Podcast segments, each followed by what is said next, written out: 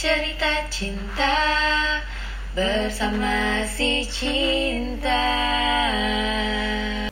Halo, selamat pagi, selamat siang, selamat malam Balik lagi bersama kita Halo, selamat malam semuanya. Balik lagi bersama saya Destania Putri Alwindi alias Windy dan rekan saya. Firstafina Mara ya Lesvina Jadi kita mau ngapain Kita akhirnya lanjut sabar, lagi sabar, nih sabar, Membuat sabar. Kita pelan-pelan ya, kita pelan-pelan karena udah malam. Jadi nadanya juga harus diatur, Bu. Ayo. Oke, nadanya harus yang lebih Kalem, seksi Iya, seksi. Seksi. Lebih kalem ya, lebih kalem. Iya. Jadi hari ini kita bakal ngebahas topik yang lebih serius-serius nih dibanding Yang kemarin. episode 1. hmm, Kalau misalnya ini kan Pasti nih podcast sih tahu dari Instagramnya cerita bersama cinta kan Betul banget. Nah ini mungkin banyak yang nggak tahu nih Ini tuh baiknya kita menjelaskan, Menjelaskan, sebenarnya cerita cinta ini tuh apa? Iya, jadi tuh cerita cinta ini tuh salah satu proyek transmedia storytelling transmedia kelas B yaitu yang dibuat So, oleh asik. mahasiswa Universitas Indonesia jurusan Ilmu Komunikasi. Nah, kita tuh ngebahas mengenai kanker payudara. Nah, dalam pembahasan ini juga kita kita sekalian atau sekaligus membangun karakter fiksi yang bernama Cinta. Nah, si Cinta ini punya sejarah sebenarnya, Fir. Sejarah apa tuh? Heeh. Jadi di Background. namanya kan storytelling ya. Nah, di sini si Cinta tuh bercerita juga bahwa dia itu dulunya punya seorang ibu dulunya karena Iya. sekarang Kalau nggak punya ibu, sudah wafat Kalau nggak gitu. punya ibu, dia keluar dari mana gitu? iya betul juga Hmm, tapi ibunya udah meninggal. Iya, backgroundnya bahwa ibunya ini sudah meninggal karena kanker, Kanker payudara. payudara.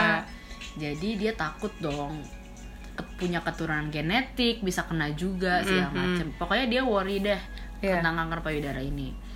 Terus si cinta ini hidupnya tuh kayak mahasiswa biasanya gitu, yang, Yang- sibuk, yang Yang makanannya begadang. mie, Iya. ya gue lah itu. enak lah ya udah murah nikmat siapa yang nggak mau Mm-mm, ya? Indomie itu wah selera aku banget. tolong disponsorin Indomie buat kita ya buat cerita cinta oh jangan nggak boleh kita terbuka banget oh ya nggak boleh nggak nggak komersil nggak komersil nah lanjut si cerita cinta ini ngebangun eh, cerita di mana kita tuh sebenarnya harus aware sama diri kita sendiri Mm-mm. yang penting kadang kita nggak nyadar kalau misalnya perilaku hidup pola hidup yang kita jalani itu sebenarnya masih kurang baik jadi kita kayak ngerasa ah ini mah fine fine aja padahal itu efek jangka panjangnya tuh bisa parah Vin Iya. gitu bisa apa ya ya kita pengennya kan sehat-sehat terus gitu kan Iya. Soalnya kita nggak sadar kalau ngejalanin Iya. hari-hari ya udah selesai Soalnya capek tidur gitu. yang aja. teman-teman gue bilang tuh penyakit tuh numpuk gitu di akhir kan mungkin kita kayak sekarang tuh ya sehat-sehat aja tapi Iya, masih kita nggak tahu aja eh, kita nggak gitu. tahu nanti pas efek kita jangka panjangnya tuh ya kayak kayak gimana. gimana Nah, di sini kan tadi udah awalnya udah ngebahas si cerita cinta Nah. ini nih projectnya. Gue mau ngasih tau juga nih jadi Oh iya, cerita cinta nih? karena ini transmedia jadi kita tuh nggak cuma pakai satu platform doang Oh iya. Jadi kita punya ini nih satunya podcast ini, terus ada juga YouTube-nya. Instagram juga. Da, ada. dan tentunya Instagram kita cer- at cerita bersama cinta dan Ya, juga betul sekali. YouTube-nya nih YouTube-nya menarik sih kayak gue jadi tahu nih cinta tuh kayak gimana kebiasaannya kayak gimana gitu sih seru seru seru banget nonton deh Ya dari situ kita juga sebenarnya eh, di balik cerita yang kita bangun itu tuh ada fakta-fakta menariknya, Vin. cerita tentang kanker payudara Iya betul banget. Jadi kita udah ngerangkum nih sebelum kita ngebangun cerita ini, sebelum kita sebarin ke, Ke- setiap kanal media yang kita Iya, punya. ke seluruh orang di dunia yang bisa bahasa Indonesia Aduh itu bener banget. Nggak, nggak- jangan takut ketinggalan teman-teman itu yang ditunggu-tunggu. Nah ternyata setelah kita rangkum ada empat faktor pemicu kanker payudara. Apa aja Sebenarnya yang pertama itu faktor genetik itu benar. Cuma kita nggak bisa eh, punya pemikiran kalau hanya faktor genetik doang Mm-mm. yang bisa nularin kita Ke- menjadi ke- kanker uh. payudara itu sendiri. Ternyata faktor kedua itu adanya tidur tidak cukup. oh berarti kayak cuma Kita kan tidur dua begadang jam gitu ya Heeh, kita kan kadang kalau misalnya kelas pagi tidurnya suka malam banget tuh. Kadang nanggung. Iya. kadang anak-anak zaman sekarang kan gitu. Kadang kalau misalnya udah ah udah jam 3 nih nanggung gue bentar lagi Nggak usah kuliah tidur gitu usah kan. tidur, lanjut aja. Apalagi kalau lagi ujian tuh dikejar tayang dah tuh. Iya gue juga akhir-akhir ini ngerasa apa ya kayak gue tidur gue kurang gitu. Padahal tidur cukup itu penting gitu loh. Kayak kita lebih berenergi dan sebagainya bener kan. banget, bener banget. Jadi mulai sekarang itu coba deh tidurnya Mungkin- cukup ya berarti ya, ya mengatur pola tidur yang baik itu benar-benar sangat mempengaruhi kesehatan kita Iya, juga. iya. terutama itu bisa ngindarin kita dari kanker. Sebenarnya nggak hanya dari kanker tapi Penyakit-penyakit semua- lain Iya, sih. penyakit-penyakit lainnya. Cuma ini merupakan salah satu hal yang bisa memicu terjadinya kanker payudara. Nah yang ketiga itu sebenarnya bisa dari dilihat dari kita jarang berolahraga apalagi kita Hmm. anak kampus tidur Aduh. aja kurang gimana mau Uh. olahraga bener nggak bu jujur gue olahraga tuh jarang banget sebenarnya kalau misalnya kita masukin jalan kaki tuh olahraga gak sih soalnya gue itu termasuk kayaknya Termasuk gak sih? soalnya eh, saya pernah baca dari salah satu situs baiknya itu setiap minggu itu eh setiap harinya Mhm. itu eh, normalnya itu kita harus ber- minimal banget kita harus berolahraga tuh bergerak tuh 30 menit per Oh, iya. harinya maksudnya Tapi bergeraknya tuh kayak enggak olahraga ibu maksud saya. Oh. Nah. Udah gitu aja. Bukan gitu bu. Nah habis itu dilihat kita kan sekarang juga sibuk banget ya tidur aja kurang cukup. Gimana mau olahraga kan? Pasti kayak udah aduh udah gak ada waktu Iya, lah betul, gitu. nah dan sekarang pasti kita tuh karena kita udah tidurnya nggak cukup olahraga mikir jadi mikir kita kayak ah mendingan gue tidur aja iya, gitu sih nyimpen energi buat ngerjain tugas Mm-mm. buat segala macem lah ya nah dari sini juga kita berarti harus pinter-pinter ngatur waktu bu minimal seminggu sekali deh kita gerak gitu kan Gerak Setiap yang, weekend gitu. Eh, poco-poco gitu oh enggak bu beda ini kita lebih ke zumba ibu tahu Hmm, zumba jumba jumba Ya, Zumba. Nah, mungkin Zumba atau aerobik bisa jadi salah satu alternatif Iya, kita. betul, betul. Itu olahraga itu termasuk olahraga ringan dan fun gitu Bu. Nah, jadinya mulai dari sekarang mungkin kita bisa mengatur waktunya supaya uh, tidur cukup dan pola olahraga yang benar itu bisa membantu kita terhindar dari penyakit. Hmm. Nah, yang terakhir ini ternyata bisa dilihat dari konsumsi makanan instan. hmm. duh Jadi faktor-faktor yang tadi saya sebutin itu sebenarnya kita banget gak sih? iya Ya kan? bahkan Bener-bener. yang ini juga gue banget gitu Iya, kenapa gue jadi pakai saya? Formal banget bawaannya. Terus eh, jadi konsumsi makanan instan ini sebenarnya benar-benar salah satu hal yang paling berpengaruh.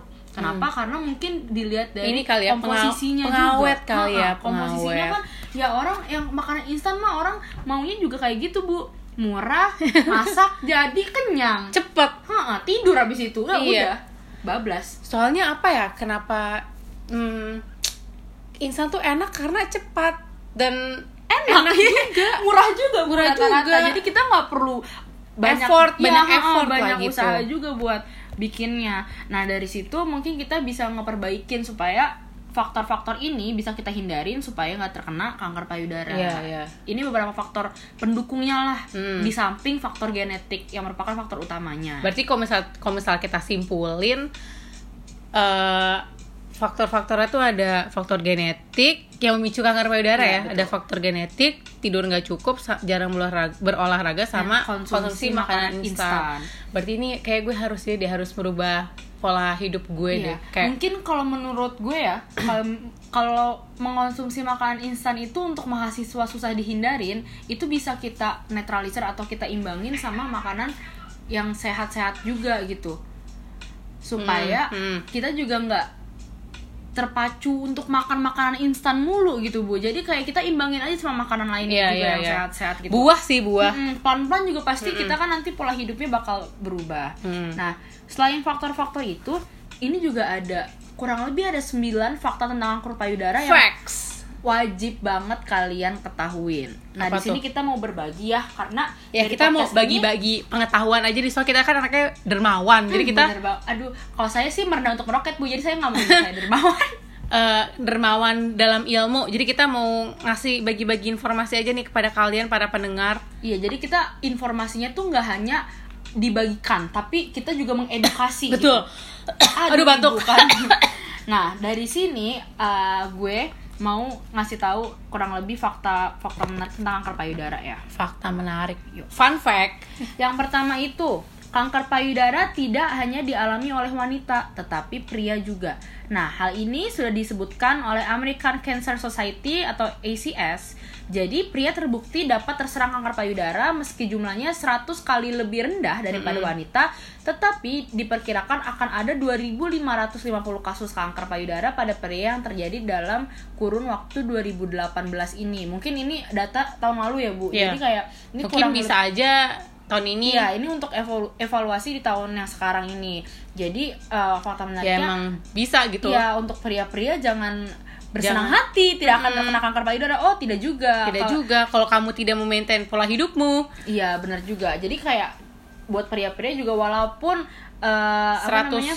kali Ya, lebih rendah Ya, 100 kali lebih rendah dari Tapi- wanita, tapi kita juga harus tetap aware, harus Mm, waspada. mm, harus waspada Nah, yang kedua itu fun fact-nya adalah benjolan adalah gejala paling umum dari kanker payudara. Mm-mm. Di sini tuh penjelasannya kayak jika kanker payudara menyebar ke kelenjar getah bening, maka itu dapat menyebabkan benjolan dan pembekakan di sekitar tulang selangka atau di bawah lengan Anda. Itu mungkin salah satu ininya ya, Bu. Salah satu cirinya. cirinya, Ciri khasnya kayak Mm. gitu. jangan lupa guys sadari dan sadanis Asik. Yeah. Apa tuh sadari? sadari itu Periksa payudara sendiri. Sadanis periksa Periksa payudara payudara secara klinis. klinis. Nah, itu mungkin yang kita bisa ulang dari Ulas, kita kita review kembali Iya, dari podcast episode sebelumnya. Dan yang ketiga itu fun fact-nya perubahan kulit dan rasa sakit juga jadi gejala kanker payudara. Wah, berarti nggak hanya ada benjolan doang nih bu, tetapi Tapi- ada perubahan bisa dilihat dari perubahan kulit dan rasa sakit yang timbul. Jadi gejala lain ini penge- dari pembengkakan payudara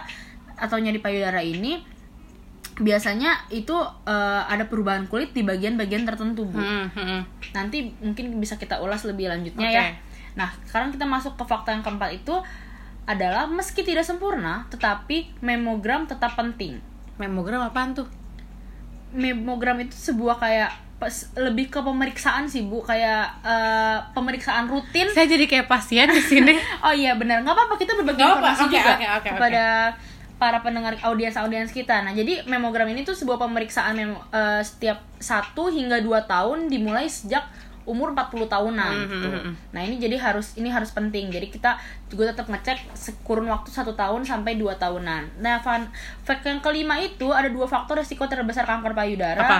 yang di luar kendali kita. Hmm. Di luar kendali. Iya betul. Jadi faktor resiko terbesar kanker payudara di negara ini adalah menjadi seorang wanita dan semakin bertambah tua, sesuatu yang kita semua miliki dan alami. Jadi itu yang diungkapkan oleh ahli bedah payudara. Maaf saya baca quotes. Pokoknya intinya Aduh, kurang briefing Anda ternyata. saya baca quotes ternyata. Nah, yang terakhir itu ada beberapa kebiasaan sehari-hari yang mem- yang bisa memicu kanker payudara itu sendiri Mm-mm. ya kurang lebih kayak mager terus Kayak- kita nggak aktif dalam bergerak Iya, terus iya. menggunakan terapi hormon selama kita nggak punya an- eh, tidak memiliki anak dan tidak menyusui dan semua hal yang dapat meningkatkan resiko kanker payudara seperti eh, fakta-fakta yang tadi udah saya sebutin sebelumnya yang ada empat fakta itu bu. Yang ketujuh itu pakai berat tidak akan membuat anda terkena kanker payudara. Karena Nah, kadang suka ada yang ada yang itu, Bu. bilang ya soalnya dulu mbak gue tuh pernah bilang gini ntar kalau misalnya gak ganti-ganti eh, bra kena itu loh kena kanker payudara kayak hah apa nih Nggak gitu. logik, Iya, nggak apalagi kadang logik. kalau misalnya mungkin benar kalau misalnya kalau kita tidur harus cepet eh, Iya. apa bra bra karena supaya pernafasan kita lancar nah, pernafasan payudara kita Iya. lancar tapi pernafasan kita juga bu karena Iya, kan iya, iya. kalau nggak Kegencet. sakit. apa nih kegencet nah setelah itu Nah. setelah itu setelah itu eh, aduh jadi setelah itu setelah itu mulu nah jadi eh, selain pemakaian bra yang tidak mau tidak akan menyebabkan kanker payudara ini fun fact yang ke-8 itu deodoran juga nggak terbukti menyebabkan kanker payudara. Ini dari Kayak mana ini- sih ini- infonya kalau Orang kok- deodoran bisa menyebabkan bisa? kanker payudara? ini ketek ini payudara gimana? Kita juga nggak tahu ya. Mungkin kandungan Mungkin dalamnya ternyata mitos-mitosnya tuh ternyata banyak kayak iya bener banget. Jadi yang ternyata di ada kita itu. kabar yang beredar kalau deodoran itu mengandung aluminium zat aluminium yang dapat menyebabkan kanker payudara. Hmm. tapi si ACS ini lembaga ini sampai saat ini tuh belum menemukan bukti dari penelitian Hmm, bukti yang konkret ada. ya? Iya, jadi ini masih si- kayak ya. aduh kabar burung banget deh gitu Mitos kan. ya, Ah, mitos. mitos jatuhnya. Yang kesembilan ini fun fact-nya wanita yang terserang kanker biasanya tidak memiliki riwayat yang sama pada keluarganya tuh. Gak harus berarti bu. hmm, kayak ya udah orang yang yang nggak yang nggak punya faktor gen juga bisa kan Iya benar Bisa banget. juga Jadi di sini kena- penjelasannya riwayat keluarga memang meningkat resiko orang Meningkatkan Iya, resiko, meningkatkan ha. resiko orang yang terkena kanker payudara. Tetapi mayoritas wanita yang baru didiagnosis yang baru ya bu Hmm. dengan kanker payudara bahkan tidak memiliki keluarga yang terserang penyakit serupa. Jadi belum tentu bisa jadi dia terkena itu karena pola hidupnya yang yang emang teratur, kayak yang tadi kita sehat sebutin, juga iya, gitu kan juga. Ha. Nah itu kurang lebih fun fact-nya ada 9 itu Ya siapa Hmm. tahu ini bener ini sangat bermanfaat banget sih buat kita para wanita dan para yang pria dan, tentunya ya dan jujur dengan adanya proyek ini pengetahuan gue mengenai kanker payudara tuh jadi meni- Meningkat. jadi ini sih jadi kayak luas banget sih dan membuka mata gue juga sih dan soalnya kalau misalnya gue flashback lagi dulu mbak gue yang kerja di rumah gue itu Hmm. pernah bilang yang tadi tentang bra itu kalau misalnya nggak ganti atau apa namanya pakai bra pakai bra terus-terusan tuh bakal kena payudara tapi sebenarnya enggak kan kayak Enggak. itu kayak banyak mitos-mitos Iya, yang banyak mitos-mitos yang- aja jadi kita iya, kayak yang- udah takut dulu Iya, nih padahal, padahal- kita masih bisa mencegahnya Iya, bu gitu. padahal kalau misalnya kita telusuri lebih lanjut juga itu nggak bener gitu kan. Iya, bener banget. Bahkan kalau misalnya kita cari dengan baik dan benar, kita justru malah kayak mengedukasi diri kita sendiri gitu, biar Iya, jadi untuk kayak- mencegah hal tersebut gitu. itu tuh belum ada bukti yang konkret Betul. terkait mitos-mitos yang beredar gitu jadi kalian juga harus pintar-pintar menyaring informasi dan jangan cepat percaya dengan Betul, betul. berita yang beredar yang belum pasti Hmm. eh yang belum jelas Eh, eh, kebenarannya. iya, kebenarannya Nah, kalau misalnya mau lebih jelas lagi, tanya dokter, Iya tanya benar banget yang lebih ahli, yang lebih Betul. ahli itu. Jadi kalian juga eh, jangan takut-takut untuk jangan sayang-sayang deh pokoknya untuk diagnosis secara dini. Mm-mm, Makanya mm-mm. kita menerapkan Kita pola pokoknya- sadari dan Sadanis. betul banget. Ingat ya semuanya ingat kata mama gue kalau mandi eh, coba deh raba-raba bagian payudara takutnya ada bagian benjolan-benjolan. Kalau ada benjolan eh, kasih tahu ke mama kalian atau ke kakak kalian dan juga periksa ke dokter ya. Ya oke Mungkin segitu aja dulu di episode 2 ini ya Kita Yes. nanti bakal lanjut di episode 3 yang lebih seru lagi pastinya Yes. Kita bakal mengungkap mitos-mitos lainnya dan fakta-fakta menarik lainnya tentang kanker payudara Mungkin sekian dari kami jangan lupa dengerin terus dan Dengerin terus. Dan podcast dari cerita cinta. cinta. Dadah. Dadah.